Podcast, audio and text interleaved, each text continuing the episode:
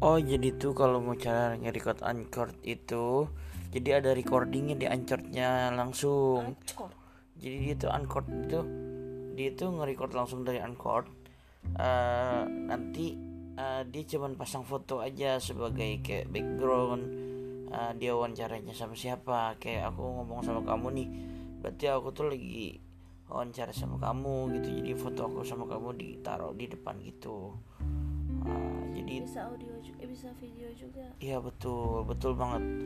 Jadi buat kamu-kamu yang mau pakai Anchor, nah ini caranya kayak gini. Jadi kamu recording, nah, di Anchor langsung nanti fotonya kamu bisa masukin, kamu gabungin sama uh, recordan kamu.